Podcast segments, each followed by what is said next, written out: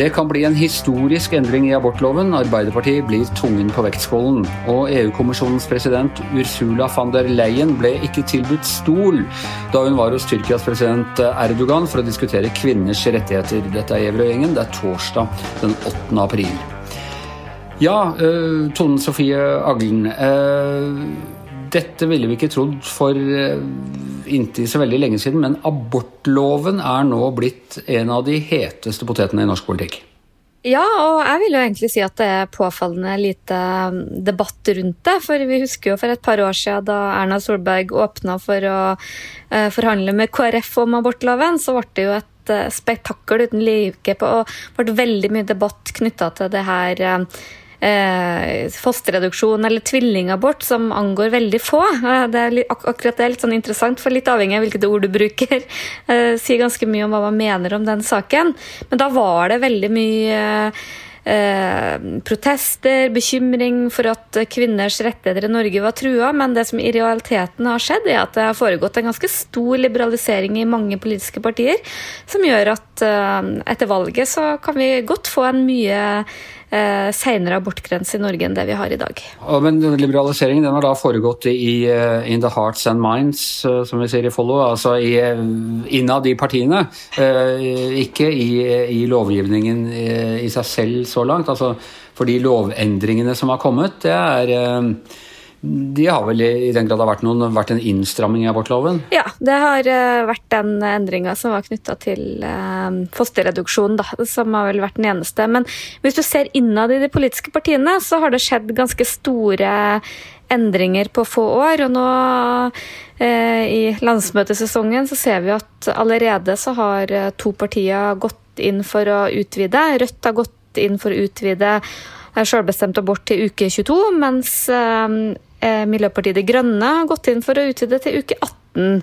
Så venter vi litt på SV, men der har i hvert fall et sånn eh, enstemmig programkomité gått inn for det som i realiteten vil være eh, utvide grensa til uke 22. Og så er jo litt spennende hva som skjer i Arbeiderpartiet, hvor programkomiteen er delt, og et, et mindretall går inn for å bevare som i dag, mens et Eh, nei, unnskyld, eh, et flertall går inn for det, mens et mindretall går inn for å, for å utvide til uke 18.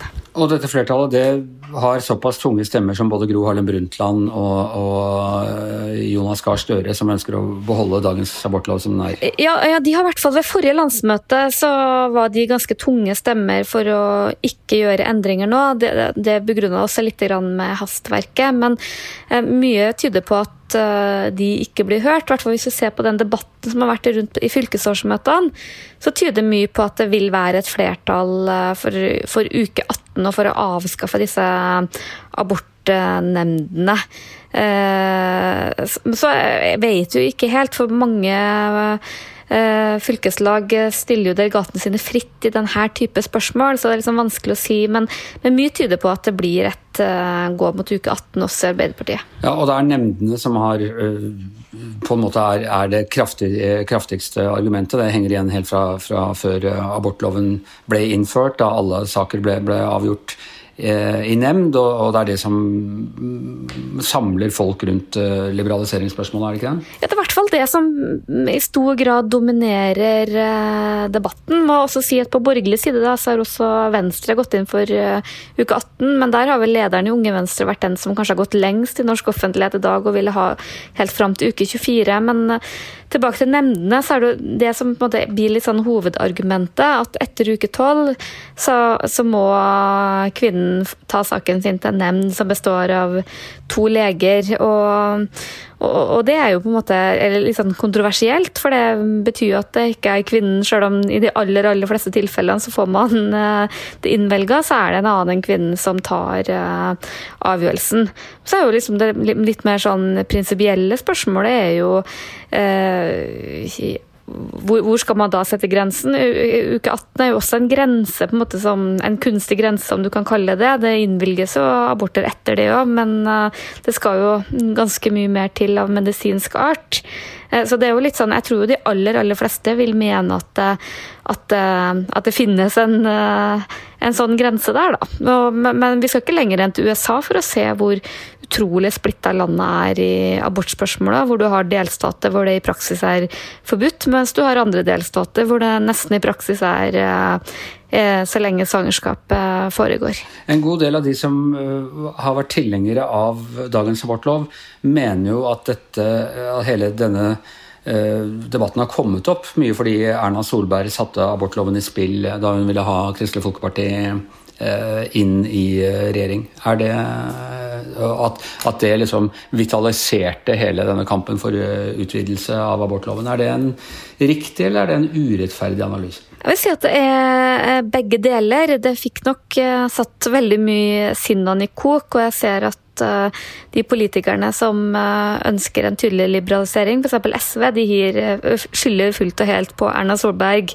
Og at det er liksom hennes skyld at det her hele spørsmålet er i spill. Nå kan hun ha det så godt. Liksom. ja, nå får hun på en måte den her i rekyl og får den helt andre veien. Men i realiteten så har jo den prosessen gått i, i mange partier lenge før Erna Solberg åpna munnen. Så mitt inntrykk, da, hvert fall sånn jeg har, så har jo hele landet landet, eller hele befolkninga, har jo over mange år blitt mer og mer liberal i abortspørsmålet. Men jeg har inntrykk av at det kanskje særlig er i ungdomspartiene at det her har, har kommet først. At det er de som ville gått lengst. Lenge var det jo AUF som ville åpne i Arbeiderpartiet. Nå er den diskusjonen også i Arbeiderpartiet. og eh, Min spådom er i hvert fall at unge kanskje er mer liberale i disse spørsmålene enn det enn det eldre Hva med Fremskrittspartiet? Alltid hatt en sånn liberalistisk fløy? Eh, som mener at enkeltmennesker må få ta sånne avgjørelser selv? Ja, det, eh, så vidt jeg vet nå, så ligger det ingen sånne forslag til endring i, eh, i Frp sitt program. Men jeg vet at FPU har tidligere vært ute med å ønske å utvide abortgrensa. Så, men altså, det er jo ett parti som, eh, som, er litt interessant, og det er jo Senterpartiet. For eh, hvis det blir en rød-grønn valgseier, så, så, kan jo de faktisk være de som må bli en sånn bremsekloss på rød-grønn side. Og i Senterpartiet så er det til og med også der er det en liten dissens som ønsker å utvide Eh, abortgrensa, men det skal veldig mye til at den vinner gjennom, tror jeg. Men vi husker tidligere i vinter hvor Trygve Slagsvold Vedum var ute og ønska et kompromiss rundt dagens uh, abortlov. Men det, det, er på en måte krefter i, i gang i jeg vil si absolutt alle partier, men på venstresida virker den jo til å ha kommet betraktelig lenger imot en liberal retning. Da. Men saken skal altså opp på Arbeiderpartiets landsmøte nå neste helg? Ja, og det er en av de uh, sakene det er mest uh, spenning rundt på Arbeiderpartiets landsmøte. Men jeg må personlig innrømme at jeg er veldig så spent på hva det her gjør med debatten. For vi har alltid skrytt veldig av at vi har en, uh, en god debatt, abortlov i Norge som det er stor enighet rundt, veldig lite konflikt rundt.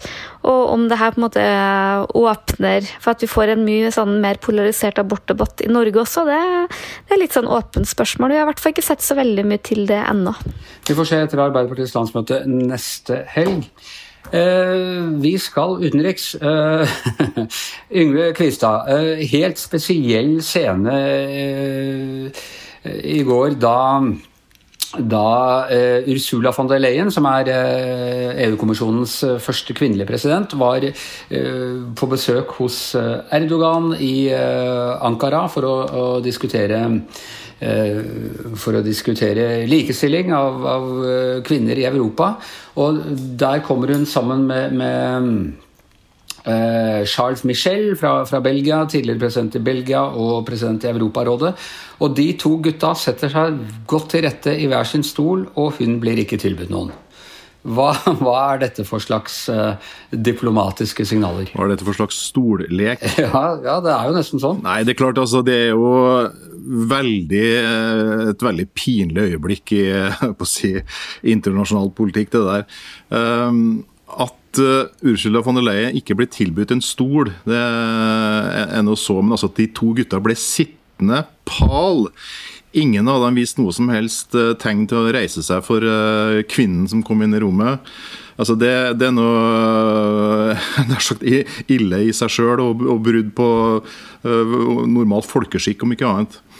Men oppi alt dette så spøk til alvor, sagt, så, altså, man hadde jo omtrent ikke forventa seg noe bedre fra president Erdogan. Han hans respekt for kvinner er vel omtrent like på det samme nivået som hans respekt for vestlige politikere. Så for en vestlig kvinnelig politiker så er vel det veldig vanskelig for eh, sultanen, som Roar Hagen kaller han, å akseptere.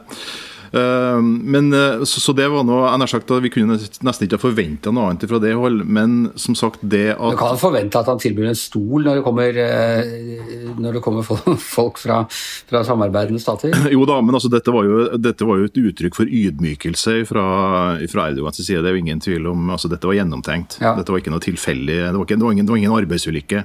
Ja, du, du klarer ikke, når, med alt som ligger av planlegging foran et sånt møte, og så glemmer å sette fram én av tre stoler? Nei, og så ble jeg jo henvist til en sofa vis-à-vis -vis den ut, uh, tyrkiske utenriksministeren. Altså alt dette er jo uh, Du ser jo at det er planlagt, og at det er en ledd i en uh, ja, en, en, ydmykelse da, både av, av, henne, men også av EU. For Det, det er også interessant er at, at Charles Michel, som er ikke belgisk president, som du sa, men tidligere statsminister i, i, i Belgia, og som de siste årene har vært president for Det europeiske råd. Han er jo, uh, han er jo president i, i, navnet, på samme måte som von der Leyen. Men altså, det er jo ingen tvil om at hun er EUs sjef. Så også formelt så, så kan vi si at hun står over han i, i, i rang. Da. Så det er jo dobbelt ille at han bare blir sittende sittende og ikke, ikke reise seg. Hvorfor gjør han det? Hvorfor reiser, hvorfor, hva har han sagt om det etterpå? Han sier i etterkant at dette var for å, for å imøtekomme tyrkisk protokoll. altså Protokoll er jo de skrevne og uskrevne reglene innenfor diplomatiet som eksisterer i de ulike land for hvordan uh, sendemenn og, og, politikere og statsledere skal oppføre seg overfor hverandre. Og, de, og Poenget var jo at de var jo i Tyrkia nå for å prøve å bedre et vanskelig forhold mellom EU og Eh, og Tyrkia.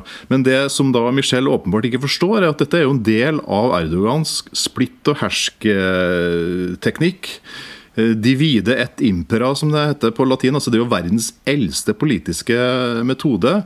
og På, det, på det viset så klarer han å skape splid innad EU. For han er ikke dummere enn at han forstår at dette blir det bråk av. Når, eh, når Eh, det mangler, når det mangler en stol og, og oppsette sånn som det er. Men det er jo nettopp det at, at Michel burde ha gjennomskuet dette. Han burde, burde ha reist seg, han burde ha benytta anledningen til å vise solidaritet både med sin uh, kollega og for så vidt også sjef. Burde han ikke være så godt oppdratt av mora si og faren sin at når han kommer inn i, en, altså, uh, kommer inn i et rom og det er to stoler og, og to menn og en kvinne, så tar han ikke og setter seg i den ene Eh, ene stolen. Det spekuleres jo vilt om hva som egentlig har skjedd. da. Eh, sannsynligvis så har ikke Michel forstått eh, alvoret i situasjonen og hvilke signaler det, det sender. Og, og, det er klart, altså Instinktet i enhver mann, mener jeg, og i hvert fall i en kontinental politiker på hans nivå, burde jo være at du reiser deg og tilbyr stolen. Og så, så, Når han i etterkant sier at nei, det var, dette var en handling da, for å etterleve tyrkisk protokoll, så tror jeg det er en form for etterrasjonalisering og bortforklaring. For Saken var at han hadde ikke innsiktet i seg. Han var ikke mann nok til å reise seg verken å, å, å tilby stol eller å, å utfordre Eh, presidenten, sannsynligvis. Eller Erdogan, sannsynligvis.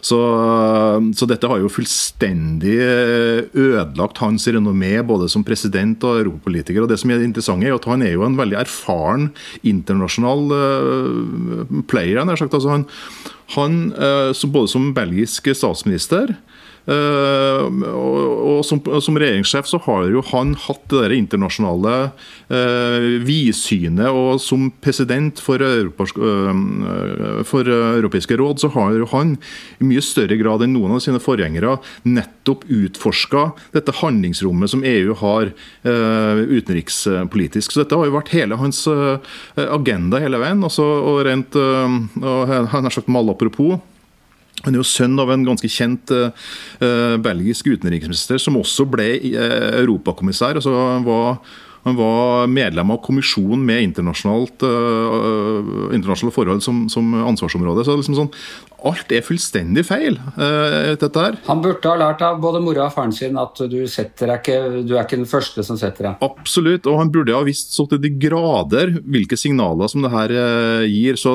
så du, om han ikke visste det før, så vet han i hvert fall det nå hva slags hvordan han skal oppføre seg i, i sånne sammenhenger. For at altså, miljøet i, i, både EU, i Brussel, men også internasjonalt toppdiplomati, er jo eh, altså Signalene derfra er veldig klare, for å si det diplomatisk. Du, Tone Sofie, hvordan bør vi reagere? Er dette et angrep på alle medlemmene av Kanskje det er et angrep på alle kvinner? Eh, ja, det er jo en total disrespekt for uh, Altså, de er der for å diskutere uh, kvinnens stilling i, i, offentligheten, og hun blir ikke tilbudt en stol? Nei, det var mye tung symbolikk i det. Altså, det, det var ikke bare derfor de var der, altså, uh, men, men, klart det er jo en skjebnens ironi, da kaller jeg det. Kan ikke du ødelegge den gode historien, Yngve? Ja, det, det, hjelper jo ikke om de hadde andre ting på agendaen også. Nei, men, nei, men altså, saken var jo at, at Tyrkia har trukket seg fra Istanbul-konvensjonen, som er en konvensjon til bekjempelse av vold mot kvinner.